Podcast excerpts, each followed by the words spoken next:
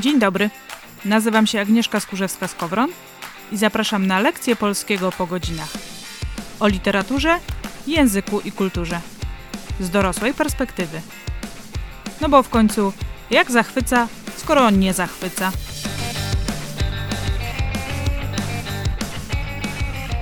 Temat dzisiejszego odcinka e, możecie się kojarzyć tak bardzo szkolnie, patetycznie i podnieśle, ale chciałam Ci dzisiaj pokazać, że rzeczywiście powstanie styczniowe to jest takie wydarzenie, które chociaż teraz mniej wspominamy, to jednak ono ma wpływ na to, jak y, my, jako społeczeństwo polskie, patrzymy na różne wydarzenia.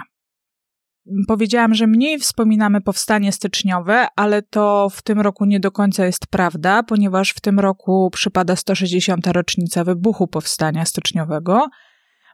To było w styczniu oczywiście, te główne obchody, ale ciągle mamy ten rok, przypominamy ten rok, między innymi dlatego w tym roku w ramach Narodowego Czytania lekturą było Nad Niemnem Elizy Orzeszkowej. No i ja trochę wchodząc w ten temat, również o powstaniu styczniowym, po co ono nam jest dzisiaj w ogóle potrzebne, po co nam jest potrzebne rozmawianie o nim, o tym chciałam Ci dzisiaj opowiedzieć. No to zaczynamy. Czy powstanie styczniowe jest tym wydarzeniem, które może nas jeszcze obchodzić? Czy będziemy wspominać je tylko na lekcjach historii i języka polskiego oraz na organizowanych co jakiś czas uroczystościach? I przyznam szczerze, że dla mnie powstanie styczniowe było jakimś tam wspomnieniem historycznym, o którym no, coś tam wiedziałam, o którym wiedzieć musiałam, zajmując się literaturą przełomu XIX i XX wieku. Nigdy jednak nie myślałam o powstaniu styczniowym w kategorii wydarzenia, które ma wpływ na moje życie tu i teraz i które krąży w krwiobiegu kulturowo-społeczno-politycznym. E, na szczęście są czasem bardzo ciekawe konferencje naukowe, a wygłoszone podczas nich referaty potrafią wywołać efekt opadniętej szczęki.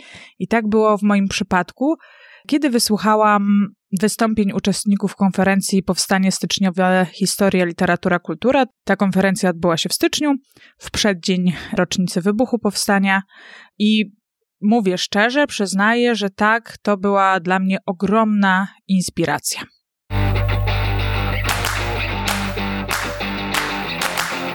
Łatwo przychodzi nam powtarzać takie oklepane formułki, że oto klęska powstania była jednocześnie klęską romantycznej idei Polski jako Chrystusa narodów, że rok 1863 zakończył romantyzm, na którego gruzach zakwitł jakże racjonalny i pragmatyczny pozytywizm. Że nastąpiło ostateczne zerwanie z ideą niepotrzebnej walki, która tylko wykrwawia naród, że byli jacyś czerwoni, jacyś biali, którzy nie mogli się ze sobą dogadać, i że właściwie tkwimy w tych schematach do dziś. I to wszystko kalki i mity, w których żyjemy. Gdy jednak zaczynamy zdejmować te kalki i skrobać po kartach mitu, odkrywamy, że pod tym, co nam się wydaje, jest jeszcze inna warstwa, a pod nią kolejna i kolejna. I docieranie do nich pomaga nam wyraźniej dostrzec powtarzane schematy, idee drążące serce narodu od wieków, nierozwiązane spory, zamiecione pod dywan problemy. I to oczywiście nie jest tylko polska cecha. Każdy naród jest takim palimpsestem, czyli tekstem złożonym z różnych warstw, gdzie nawet te dużo wcześniejsze mają duży, choć często już nieuświadamiany wpływ na warstwę najnowszą. I o tym właśnie jest powstanie styczniowe, a konkretnie to, co chcę o nim opowiedzieć. Będzie trochę polityki, kultury, literatury, perspektywy społecznej i prywatnej, jak to w życiu.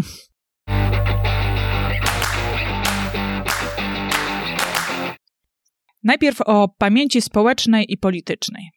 Bo czy rzeczywiście powstanie styczniowe zostało przez tak zwanych pozytywistów odrzucone i na wieki zapisało się jako niepotrzebna klęska narodowa w myśleniu społecznym? Na jednej ze stron, gdzie znajdują się opracowania lektur, znalazłam taki fragment dotyczący Gloria Victis Elizy Orzeszkowej. I tu jest cytat.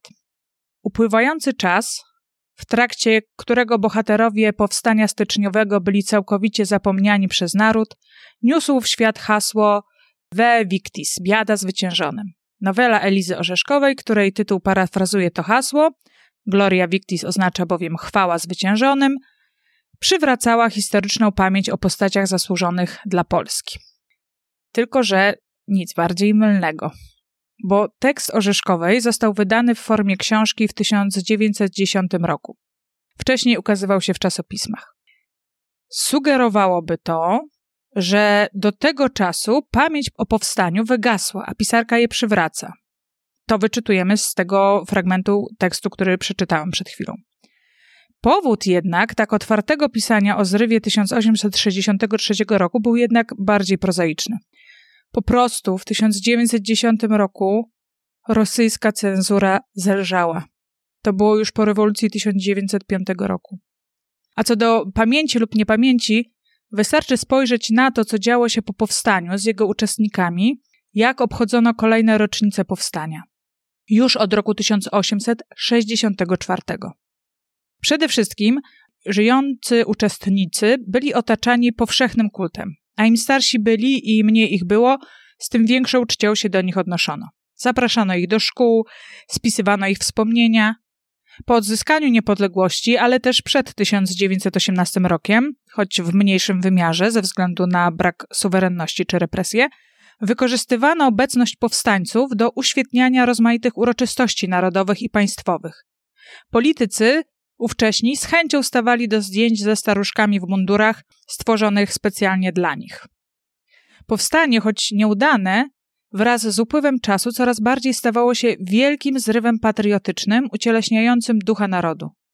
Elementem koniecznym, by zachować narodową pamięć i, mimo wszystko, nie gasić płomyka walki, który w odpowiednich warunkach miał przemienić się w ogromny płomień. Pamięć powstania styczniowego była wykorzystywana w sposób szczególny w czasie wojny polsko-bolszewickiej i podczas pierwszych miesięcy II wojny światowej. Żyjący jeszcze powstańcy wzywali wówczas do walki.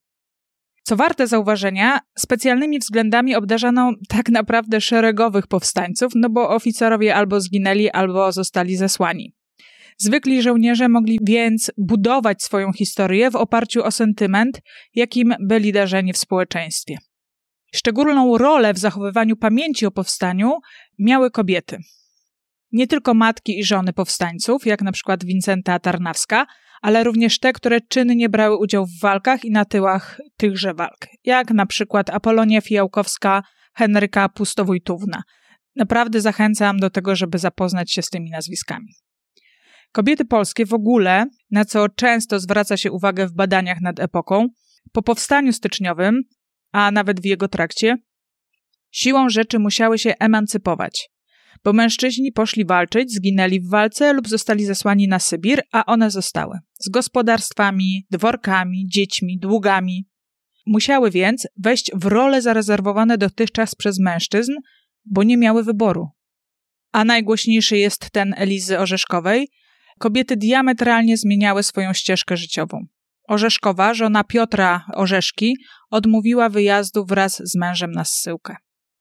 Powstanie styczniowe, zwłaszcza w dwudziestoleciu międzywojennym, zostało politycznie zaangażowane na rzecz budowania mitu wcielenia narodu.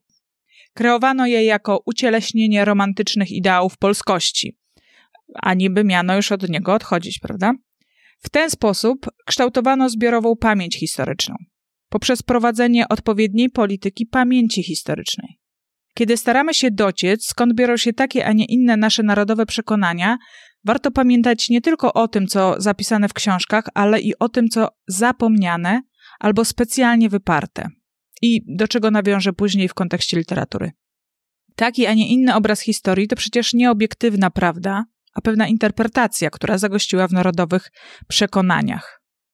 Takie kreowanie przekonań widać zresztą doskonale na przykładzie feminatywów. I pogląd, że profesorka jest określeniem mniej godnym od pani profesor, pojawił się dopiero w latach 50. XX wieku na fali kształtowania nowego socjalistycznego języka.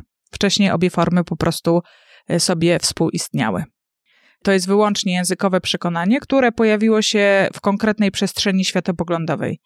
Inna sprawa, że oczywiście interpretacja ta padła na żyzny grunt jeszcze głębszego przekonania, że to, co męskie, jest z zasady lepsze. No ale to już inny temat i będzie o tym również podcast. Wracamy do powstania. Ta pamięć o powstaniu nie była też jakimś niekontrolowanym zjawiskiem. Kształtowano ją w bardzo określony i celowy sposób. stawiano pomniki, oznaczano miejsca pamięci, organizowano obchody rocznic, zwłaszcza wybuchu powstania i stracenia Romualda Trauguta. No i teraz tak, jeżeli to wszystko, o czym teraz opowiedziałam, o tym, jak wyglądało odnoszenie się do powstania styczniowego, do powstańców w drugiej połowie XIX wieku i w dwudziestoleciu międzywojennym. Jeżeli to coś ci przypomina, to, to dobrze ci przypomina. Bo to, o czym powiedziałam, przypominanie tych wszystkich zjawisk na przykładzie powstania styczniowego pomaga nam, żyjącym w XXI wieku, zobaczyć, że te same mechanizmy działają i teraz wobec różnych wydarzeń. I teraz wystarczy spojrzeć na sposób kształtowania pamięci o powstaniu warszawskim czy Solidarności. Paulina Małochleb w swoim tekście Przepisywanie historii pisze coś takiego. Od chwili upadku powstanie styczniowe spełniało w kulturze polskiej ważne funkcje symbolizacyjne. Toczono o nie spór, sprzeczając się tak naprawdę o wykładnie polskich dziejów, charakter narodowy, drogi rozwoju narodów przyszłości. W ostatnich trzech dekadach rolę tę zaczęło stopniowo przejmować wyobrażenie powstania warszawskiego. To ono dzisiaj staje się synekdochą wszystkich walk i zrywów polskich, a tym samym to ono budzi gorące emocje, stanowi jądro dyskusji o tożsamości. Organizowanie właśnie obchodów wybuchu Powstania Warszawskiego, czy podpisania porozumień sierpniowych i włączanie ich w polityczną narrację różnych opcji politycznych Zapraszanie żyjących jeszcze świadków i uczestników, spisywanie ich relacji, budowanie mitu wobec konkretnych jednostek, używanie powstańców czy twórców Solidarności w potyczkach ideologicznych, ponieważ są moralni, ponieważ walczyli o wolną Polskę i mają legitymizować takie czy inne postawy. To wszystko powtarza się w naszej społecznej historii. Robimy dokładnie to samo, co robiono z powstaniem styczniowym. Kształtowanie narracji dotyczącej powstania warszawskiego czy Solidarności również właśnie przypomina to, co działo się z pamięcią o powstaniu styczniowym. Wydarzenie z 1863 roku posłużyło do kształtowania polskiego społeczeństwa narodowego. Historycy podkreślają, że był to ostatni zryw, w którym Rzeczpospolita obojga narodów, a właściwie czterech narodów, odgrywała jeszcze jakąkolwiek rolę. W powstaniu styczniowym walczyli Polacy, Litwini, Białorusini, Ukraińcy. Oczywiście w różnym stopniu i w zależności od wielu czynników. Po 1863 roku wszystkie te narody obrały oddzielne ścieżki narodowe. To, co dzieje się z naszą narodową pamięcią dotyczącą różnych ważnych wydarzeń, to powtórka tego wszystkiego, co wydarzyło się od 1863 do 1939 roku, jeśli chodzi o podejście do powstania styczniowego. Łącznie z tym, że i wtedy, i teraz najtrudniej podejmuje się te tematy, które rozbijają mit, stawiają niewygodne pytania, ukazują inną perspektywę.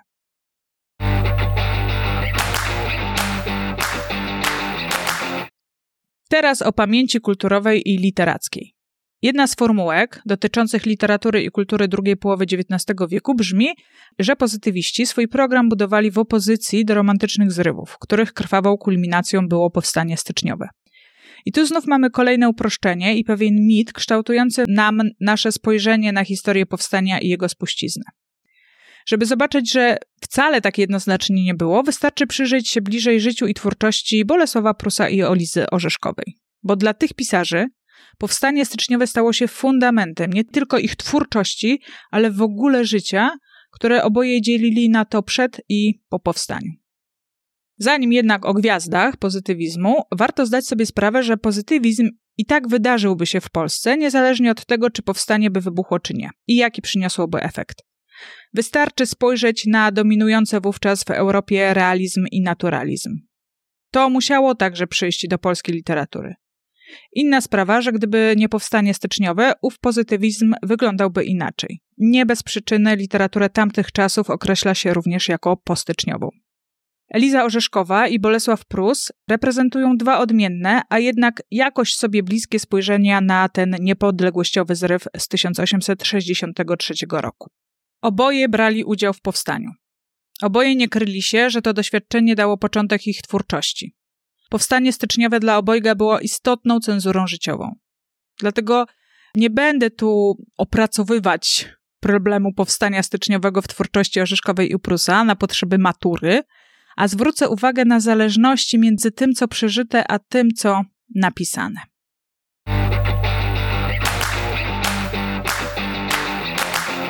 Na początek Eliza Orzeszkowa. Dwudziestoletnia wówczas pani na Ludwinowie, bo przecież jeszcze nie pisarka, na polecenie m.in. Romualda Traugutta szyła odzież, gromadziła żywność, leki i opatrunki, przechowywała rannych i ściganych, zajmowała się pocztą powstańczą, ukrywała ostatniego dyktatora powstania, a gdy trzeba było, narażając się na zgubę całkowitą, przewiozła go jako chorego krewnego własnym powozem do granicy Królestwa Polskiego po rozbiciu jego oddziału w maju 1863 roku. Orzeszkowa nie brała do ręki broni, nie tułała się po lasach poleskich ścigana przez Rosjan, nie została więc Emilią Plater czy Anną Henryką Pustowojtówną, ale mogła przecież z pełną wiarą nazywać się żołnierzem służb pomocniczych powstania styczniowego w Kobryńskiem. Z ogromnym szacunkiem i powagą pisał o tym Edmund Jankowski. Orzeszkowa nie uczestniczyła w żadnej bitwie, ani jej na własne oczy nie oglądała, Mimo to najsurowsza komisja weryfikacyjna nie odmówiłaby jej praw kombatanckich. To jest cytat z tekstu Ireneusza Sikory. Natomiast sama Orzeszkowa tak pisała o tym czasie i gorąco zachęcam, żeby nastawić uszy na ten fragment, bo ona pisała tak. Stałam się świadkiem jednej z katastrof społecznych, najokropniejszych, jakie dostępnymi być mogą oczom śmiertelnych. Widziałam domy ludne i gwarne wymiecione z ludzi, jak w średniowieczne mory. Wielkie mogiły wznoszące się wśród lasów, kryjące tych, z którymi niedawno tańczyłam, nawiedzane tylko przez leśnych ptaków. Widziałam szubienice rysujące na niebie suche profile, blade strachy idących na śmierć, konające nadzieje, krwawe bóle, ponure żałoby, orszaki więźniów dzwoniących łańcuchami w drodze na Sybir z długimi za sobą orszakami rodzin osieroconych i wtrąconych w nędzę. Słyszałam odgłosy bitew staczanych w wielkich lasach poleskich, wieści dochodzące z dala o zbiorowych śmierciach, spadających nie na setki, lecz na tysiące ludzi po etapach sybirskich, od chłodu, nędzy, ścisku, zarazy. Widziałam ustawy prawne, jawne i tajemne, przed Europą tajone, które jak grad gęsty spadały na nas, odsądzając nas od posiadania ziemi, prawa do pracy, zarobku, zasługi, mówienia własnym językiem, uczenia dzieci naszej wiary i historii przodków w języku przodków. Nie tylko nie przesadzam, ale na ćwiartce papieru nie mogę zawrzeć tysiącznej części tej tragedii, która płomieniem i mieczem uderzyła w moje oczy i serce. Aby ją w pełni opisać, trzeba by tomy pisać. A to, co napisałam, zmierza ku wyjaśnieniu momentu powstania mojej drogi autorskiej. To jest fragment z jej autobiografii. W innym miejscu jasnym staje się jej pisarski cel i wielokrotnie powracający motyw powstania, mniej lub bardziej widoczny. Pisała tak: Są tam rzeczy, o których jeśli ja nie opowiem, nikt nigdy wiedzieć już nie będzie, bo wszyscy prawie współcześni już wymarli, nic głośno nie opowiedziawszy. Eliza Orzeszkowa szukała sensu, będąc strażniczką pamięci o powstaniu. Traumę przepracowywała w nadzieję na przyszłość. Najbardziej znanymi jej tekstami, w których powraca temat powstania, są Nadniemnem i Gloria Victis. Ale temat ten bardziej lub mniej widoczny powraca i w Benenati, i w Ad Astra, opowiadaniach Dziwna Historia, Śmierć domu, Panna Róża, Hekuba. I co znaczące, w bardziej otwarty sposób pisarka powracała do tematu powstania styczniowego po 1905 roku, kiedy zmienił się nieco klimat polityczny. I w ten właśnie sposób powstał zbiór opowiadań Gloria Victis, w 1910 roku, o którym autorka pisała, że ma być skromny i zarazem krwawy. Przepraszam za wstręt, ale jak zobaczyłam to określenie, to od razu skojarzyło mi się, że złote, ale skromne. Więc skromne i zarazem krwawe. Jednocześnie to pisanie z fundamentem styczniowym naznaczone było stałym brakiem, bo rosyjska cenzura działała całkiem sprawnie. Na przykład po pierwszym wydaniu ocenzurowano nad Niemnem, i pisarze musieli się mocno gimnastykować, żeby powiedzieć to, co chcą powiedzieć, ale nie mówiąc tego.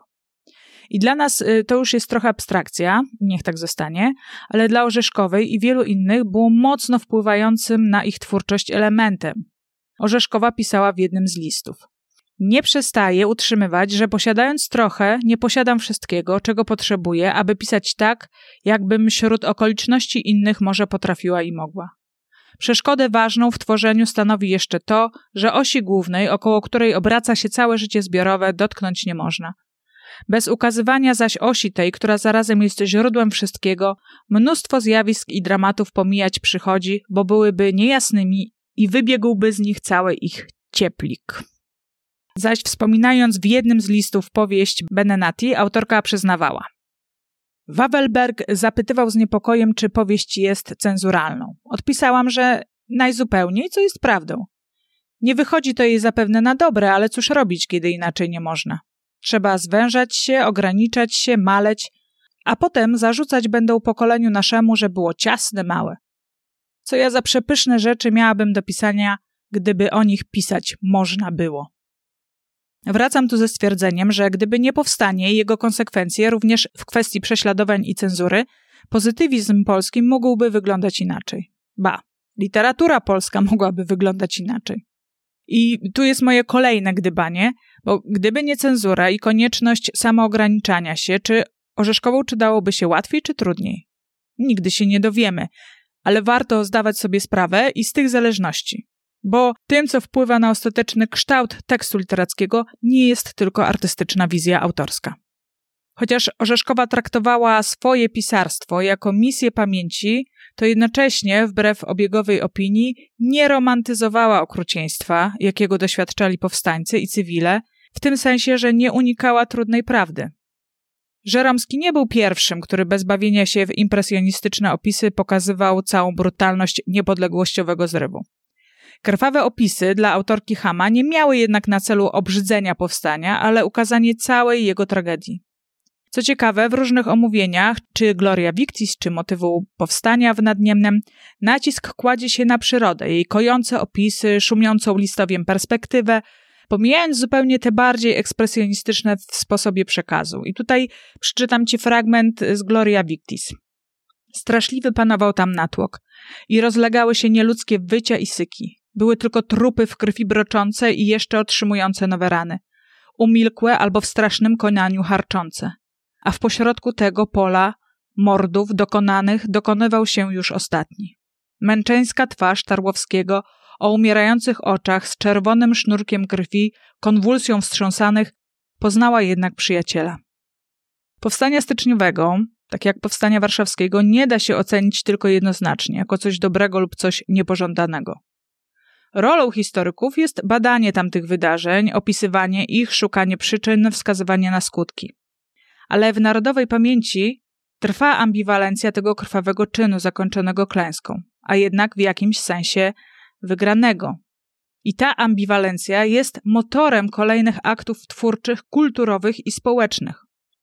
Wystarczy popatrzeć na całkiem współczesne hasła, że patriotyzm to płacenie za bilet w autobusie czy wyrzucanie śmieci do kosza, a nie na ulicę, które mają stać w opozycji do bończucznych zapewnień o gotowości przelania krwi za ojczyznę. I w tej ambiwalencji postyczniowej pozostajemy po dziś dzień.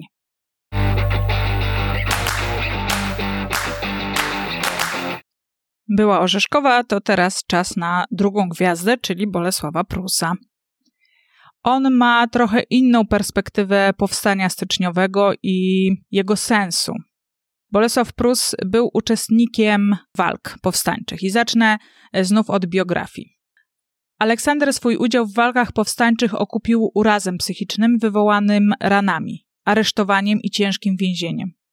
Od tego czasu cierpiał na agorafobię i wrażliwość na światło, dlatego zawsze nosił ciemne okulary. Kiedy w końcu wrócił do domu, okazało się, że jego starszy o 13 lat brat Leon pod wpływem wydarzeń powstańczych popadł w szaleństwo. Leon oszalał, kiedy ujrzał na Litwie skutki działania Michała Murawiowa, zwanego Wieszacielem. Do końca życia nie odzyskał zdrowia. Tak więc cały świat Aleksandra legł w gruzach. To jest fragment y, z artykułu profesor Marii Olszewskiej o omyłce. Sam zaś Prus pisał tak. W tej przeszłości, w której mnie poznałeś, już nie ma mnie. Ja, dawny ja, pochowany jestem razem z nadziejami moimi nad białką, skąd drugi ja wyniósł dwumiesięczne szaleństwo, zwątpienie w tego rodzaju zabawę i kalectwo. Mam rozklekotaną głowę, częste mdłości, ataki krwi do mózgu i tym podobne. To dało mi przeszłość. W ten sposób Prus pisał do Mścisława Godlewskiego. I w tym przypadku całe na biało wchodzi PTSD, czyli zespół stresu pourazowego, który nigdy Prusa nie opuści. Z tej perspektywy pisał swoje teksty, w których pojawia się wspomnienie o powstaniu styczniowym. Jako temat główny, jak w Omyłce czy Dzieciach, czy poboczny, jak w Lalce. Widziany od wewnątrz powstańczy zryw budził w nim nieraz sprzeczne uczucia. Odwaga, szaleństwo i wspólnota mężczyzn jedzących z jednego kotła i czyszczących broń przed walką miały wartość inicjacyjnego doświadczenia. Aleksander Głowacki poszedł do powstania w wieku 16 lat. Jednak praktyka dnia codziennego powstańców kładła się cieniem na apatetycznych wspomnieniach. Napady na podróżnych, kradzieże, dręczenie i zabijanie wyłapywanych na drogach Żydów, pijaństwo, nieliczenie się z życiem żołnierzy. Idąc do lasu, do armii rycerzy, Aleksander nie był przygotowany na ciemną stronę wojny i post factum niełatwo mu było się z nią zmierzyć. Atmosfera ostatnich dni 1863 roku zresztą temu nie sprzyjała. W lasach wciąż jeszcze trwały walki, a w dyskursie społecznym przeciwnicy i zwolennicy rozpatrywali zryw wyłącznie w kontekście dobra narodowego lub narodowej katastrofy. Nikt nie chciał i chyba także nie mógł mierzyć się wówczas z trudnym i nie mieszczącym się w konwencji tematem żołnierskiego zdziczenia. I Aleksander pozostawał ze swymi rozterkami samotny. Tak opisywała to Monika Piątkowska w biografii Prusa. Prusowemu podejściu do powstania nie pomagała opinia, jaką na temat zrywu miało jego wujostwo, olszewscy, którzy opiekowali się Aleksandrem, a także sytuacja, w jakiej znalazł się jego brat Leon. Jednym zdaniem, trudno, żeby w takich okolicznościach późniejszy autor lalki w jakoś wyjątkowo pozytywny, nomen omen, sposób myślał o powstaniu. Ten podział na zwolenników czy przeciwników powstania utrzymał się zresztą do dziś, niezależnie od tego, o jakim powstaniu jest mowa. O ile wiadomo, kto był tu atakującym, a kto atakowanym, kto katem, a kto walczącą ofiarą, o tyle niuanse wojny i to, że nigdy nie jest to do końca czysta walka, wywołują taki dysonans, że mało kto chce się z nim mierzyć. Czy można działać w dobrej sprawie, a jednocześnie robić złe rzeczy? Czy można w jednej sprawie być w porządku, a w innej szują? Wbrew pozorom, te pytania nie dotyczą tylko zrywu z 1863 roku. Zadajemy je sobie również dziś, w 2023 roku.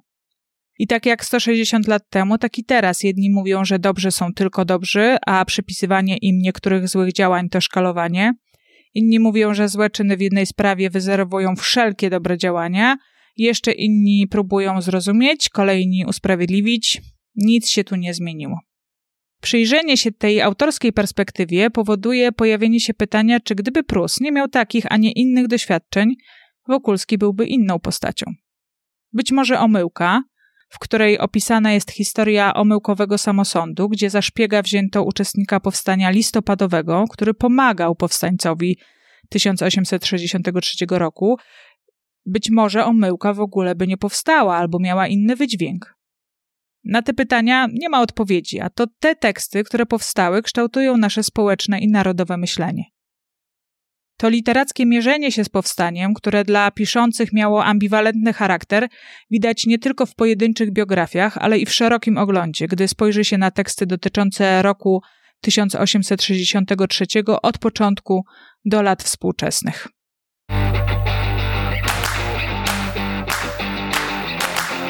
A zatem jak mówić o naszej historii? Literatura o powstaniu pogrążona jest w ciągłej ambiwalencji. Buduje i rozbija mity. Konstruuje pamięć zbiorową i krytycznie ją analizuje. Umacnia dyskurs władzy, ale też dąży do jego podmycia. Głosi kult poświęcenia indywidualnego, ale równocześnie umacnia prawo wspólnoty do władzy nad jednostką. Choć te sprzeczne kierunki są typowymi strategiami w obszarze literackiego kształtowania pamięci, to prowadzą one do stworzenia nurtu powieściowego opartego na stałym napięciu, wewnętrznie zdialogizowanego, łączącego dyskurs literacki i historiograficzny, zawierającego arcydzieła i teksty brukowe. To znów fragment z artykułu, właściwie z książki Pauliny Małochleb. Inaczej mówiąc, teksty literackie dotyczące powstania styczniowego, nieważne czy powstały zaraz po jego upadku, czy później, naznaczone są wewnętrznymi sprzecznościami. Tak jak podejście społeczeństwa polskiego do tego zrywu w ogóle. Bo, co ciekawe, powstanie listopadowe aż takich ambiwalencji nie wywołało, choć przecież również zakończyło się klęską, represjami i emigracją. Nasza narodowa wyobraźnia karmiona jest z jednej strony obrazami z fortepianu Chopina, Norwida, Oto symbol polskiej kultury, narodowego dziedzictwa roztrzaskał się, ideał sięgnął bruku, a z drugiej pozytywistyczną krytyką Bolesława Prusa czy Adolfa Dygasińskiego. A później zupełnie już zderomantyzowanym spojrzeniem na powstanie w powieści po 1956 roku. I tu polecam zajrzeć do takich tekstów jak Przekazana sztafeta i ballada o wzgardliwym wisielcu Rembeka, e, Zaruda Iwaszkiewicza, Ostatni postój Zalewskiego – przy czym ostrzegam, nie tylko one, ale i samo ich czytanie uważane jest przez niektórych za plucie na pamięć o powstaniu styczniowym. Nadal. Wydaje mi się, że mimo wszystko w podejściu do powstania styczniowego dominuje wierna pamięć i poszukiwanie sensu, jak swoje artystyczne działania określała Eliza Orzeszkowa. Powstanie styczniowe określane jest jako hekatomba, ale z drugiej strony jako wydarzenie, które stanowi cezurę nowoczesnego rozumienia narodu polskiego. Wszelkie rozliczania się z powstaniem są czynione z tej perspektywy. Krytyczne również, bo krytykowały przede wszystkim wzorzec mówienia o powstaniu, a nie je samo. Wzorzec ten zaczął tworzyć się jeszcze w czasie trwania powstania, zasadzał się zaś na afirmacji romantycznej martyrologii. Podstawowe wyobrażenie powstania wiązało się z legendą sentymentalną, opartą na kulcie mogił i poczuciu wiecznej żałoby, niezawinionym cierpieniu i narodowej czystości moralnej. Legenda sentymentalna tworzona była poprzez faworyzowanie treści związanych z romantycznym wyobrażeniem męczeństwa, a rugowaniem obrazów polskiej przemocy. Bohaterów tej literatury formowano na wzór męczenników narodowych poprzez połączenie dwóch mitów cierpienia pierwszych chrześcijan i walki bojowników romantycznych. Legenda powstania została ugruntowana u Grodgera. Wszystkie postaci z jego kartonów miały rysy świętych, a nie żołnierzy powstańców. Nie działały, a realizowały liturgię narodową. To, co jednak było artystycznie nowe i twórcze w XIX wieku, szybko przeradziło się w unieruchomiony i patetyczny obraz powstania, który uniemożliwiał jakiekolwiek polemiki. To, co wykreowane przez dekady, traciło znaczenie w kolejnych powtórzeniach. Zamiast przekształcania matrycy wprowadzono tylko różne warianty wątków. Powtarzał się schemat fabularny, jak i układ ról postaci bohater, jego przeciwnik, kobieta jako sublimacja ojczyzny. Wobec takich treści artykułowanych natychmiast też pojawił się bunt. Rozsadzał tę legendę Prus w Omyłce czy Orzeszkowa w Pannie Róży. Wszyscy znają krytyczne utwory Żeromskiego, Wierną rzekę, Rozdziebią nas kruki i wrony i Echa leśne. Niewielu jednak czytało Ojców Naszych, Struga, który uderza w zasadnicze dla wzorca przekonanie o jedności narodowej, powszechnym poświęceniu, prymacie uczuć patriotycznych i zbiorowych nad indywidualnymi i cywilnymi. Choć pozornie cała literatura popaździernikowa o powstaniu ma charakter polemiczny wobec tradycyjnych wyobrażeń, to jednak czysta dekonstrukcja objawia się stosunkowo rzadko. Stosunek Stanisława Rembeka, Jarosława Iwaszkiewicza, Tadeusza Konwickiego czy Władysława Terleckiego i Witolda Zalewskiego do tradycji był bowiem pozytywny, podobnie jak ich stosunek do wartości, które kultywował wzorzec. Wprowadzana przez nich dekonstrukcja zwraca się zatem nie ku wartościom narodowym, ale ku wzorcowi jako ich nośnikowi, przeciwko zawartym w nim procesom mitologizacji. Obiektem ataku nie jest tu przeszłość narodowa, ale sposoby, w jaki się o niej opowiada. Ten długi fragment to był cytat też z Pauliny Małochleb. Ta ambiwalencja, poszukiwanie sensu charakteryzuje właściwie całą literaturę polską, powstałą w momentach trudnych dla narodu. Takim przekazem jesteśmy karmieni od najmłodszych lat.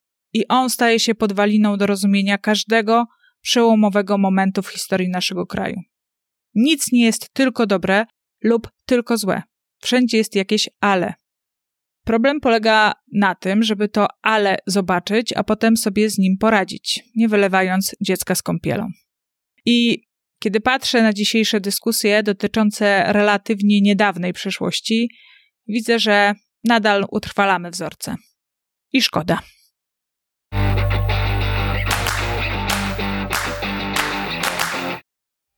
Dziękuję Ci za dzisiaj. Mam nadzieję, że dużo wyniosłaś z tego dzisiejszego odcinka i mam nadzieję, że pomaga Ci on z zupełnie innej perspektywy spojrzeć na to hm, niby już nieistotne dla nas wydarzenie, jakim było powstanie styczniowe. Tymczasem zapraszam Cię do wysłuchania kolejnego odcinka. Zapraszam Cię również na stronę Wianki Słów, bo tam pojawiają się różne ciekawe artykuły. Do zobaczenia zatem na stronie i do usłyszenia.